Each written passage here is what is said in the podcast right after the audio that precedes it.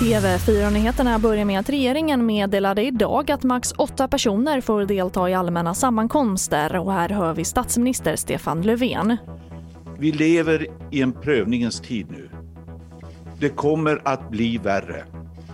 Gör din plikt. Ta ditt ansvar för att stoppa smittspridningen. Det här nu, det är den nya normen för hela samhället, för hela Sverige.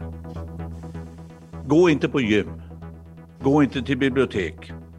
Ha inte middag. Ha inte fester. Ställ in. Och efter regeringens besked idag om att max åtta personer får samlas så stänger nu Sveriges största biografkedja, Filmstaden, sina biografer igen. Och som det ser ut nu kommer biograferna vara stängda mellan 24 november och 22 december. Och mer om det här kan du se på tv4.se. Och åklagare har beslutat att lägga ner förundersökningen om hets mot folkgrupp efter koranbränningen som skedde i Malmö i augusti. Det rapporterar Sydsvenskan. Bränningen triggades igång av en dansk högerextrem politiker och ledde till stora oroligheter i stadsdelen Rosengård. Hittills har sex personer åtalats för våldsamt upplopp. TV4-nyheterna, jag heter Charlotte Hemgren.